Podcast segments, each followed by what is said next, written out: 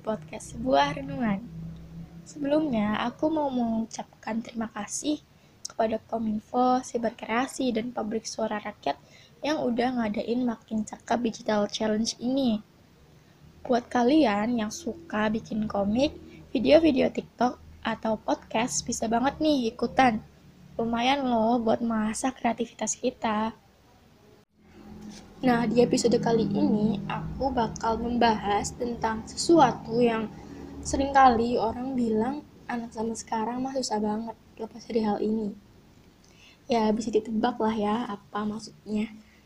Jadi, aku bakal ngomongin tentang media digital, penggunanya, berbagai macam fenomena di dalamnya, kaitannya sama Pancasila, dan ya, dan masih banyak lagi.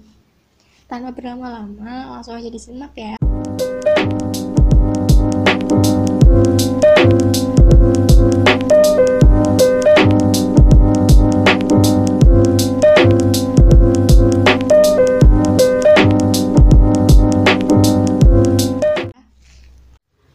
Ngomong-ngomong tentang media digital, teman-teman udah pada tahu belum sama istilah digital natives dan digital immigrant?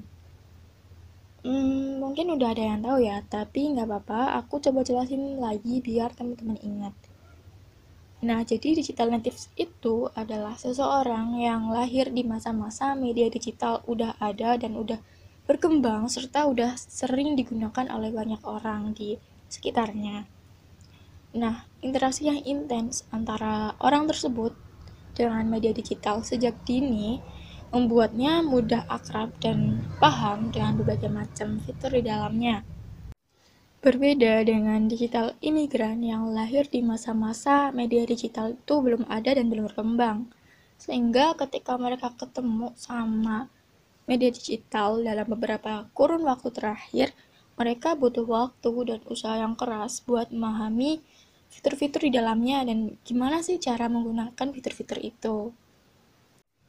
Uniknya, antara digital natives dan digital imigran ini punya hubungan semacam simbiosis mutualisme gitu. Mereka yang digital natives membantu digital imigran buat memahami gimana caranya menggunakan berbagai macam fitur di dalam media digital dan mengingatkan mereka supaya nggak mudah termakan berita-berita yang belum tentu benar gitu yang sering kali muncul atau ber tebaran di media-media sosial seperti aplikasi chatting. Di sisi lain, digital imigran ini mengingatkan digital natives supaya berhati-hati dan membentengi diri dari berbagai macam hal-hal negatif dalam media digital. Nah, seperti yang kita tahu dan kita rasain, makin ke sini tuh kita makin dekat sama media digital. Apalagi di masa-masa pandemi kayak sekarang ini yang hampir semua kegiatan berubah jadi serba daring. Kedekatan itu didukung oleh semakin canggihnya media dan teknologi digital, makin macam-macam fiturnya, aplikasinya, pokoknya banyak banget sih inovasi-inovasi baru di media digital. Nah, dengan adanya perkembangan itu, kita jadi makin nyaman buat ngelakuin banyak hal di media ini. Dengan kata lain sih, makin merasa bebas berekspresi di media ini.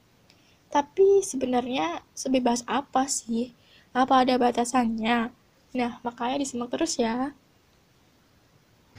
Udah banyak banget anak-anak muda Indonesia yang memanfaatkan media digital untuk berkarya dalam bentuk tulisan, tulisan, atau kombinasi keduanya.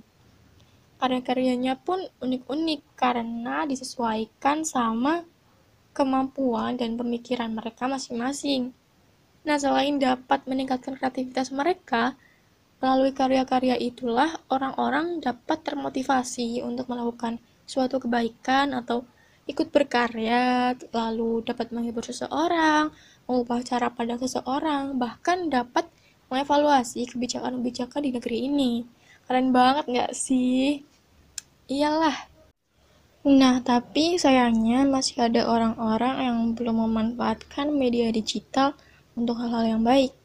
Menurut hasil survei Digital Civility Index tahun 2020 yang dilakukan oleh Microsoft, Indonesia berada di posisi ke-29 dari 32 negara dalam hal kesopanan di media digital. Di sisi lain, Indonesia berada di urutan terakhir di Asia Tenggara.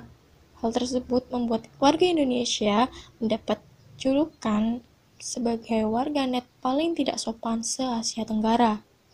Hal itu sebenarnya mungkin udah sering kali kita lihat di media digital ya seperti adanya ujaran kebencian yang ditujukan kepada kelompok tertentu, maraknya hoax atau berita bohong, penyebaran informasi pribadi, penipuan, hingga perundungan kepada sesama warganet, artis dalam negeri maupun luar negeri, atlet, serta hujatan kepada lembaga-lembaga tertentu. Kalau menurutku sih, sebenarnya warganet Indonesia tuh solid-solid ya. Ada banyak tindakan pembelaan terhadap Indonesia, terhadap korban atau orang yang lemah. Tapi kadang tuh cara penyampaiannya masih kurang benar gitu.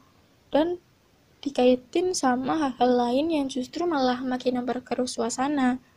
Terus juga ada penggunaan umpatan-umpatan atau kata-kata kasar tanpa dibarengi kritik dan saran yang membangun. Nah, di sinilah pentingnya kita paham batasan dalam menggunakan media digital. Media digital itu emang menarik banget, tapi ya saat di situ kita jangan sampai mengabaikan tata krama dan etika yang berlaku di dunia nyata. Karena sebenarnya kan sama-sama berinteraksi dengan banyak orang tuh meskipun beda media. Jadi emang bener sih kita bebas berekspresi di media digital, tapi kita juga harus tahu batasan dan bertanggung jawab sama apa yang kita lakukan di situ. Penting banget untuk berpikir matang-matang dulu sebelum mengungkapkan pendapat atau melakukan sesuatu di media digital. Dan tentunya kita harus selalu berusaha menjadi warganet Indonesia yang sopan, sesuai dengan sila kedua Pancasila, yaitu kemanusiaan yang adil dan beradab. Dengan demikian, orang-orang jadi makin nyaman dan gak merasa terganggu saat menggunakan media digital. Sekian dari aku, mohon maaf kalau banyak salah karena aku juga masih belajar menjadi manusia yang lebih baik.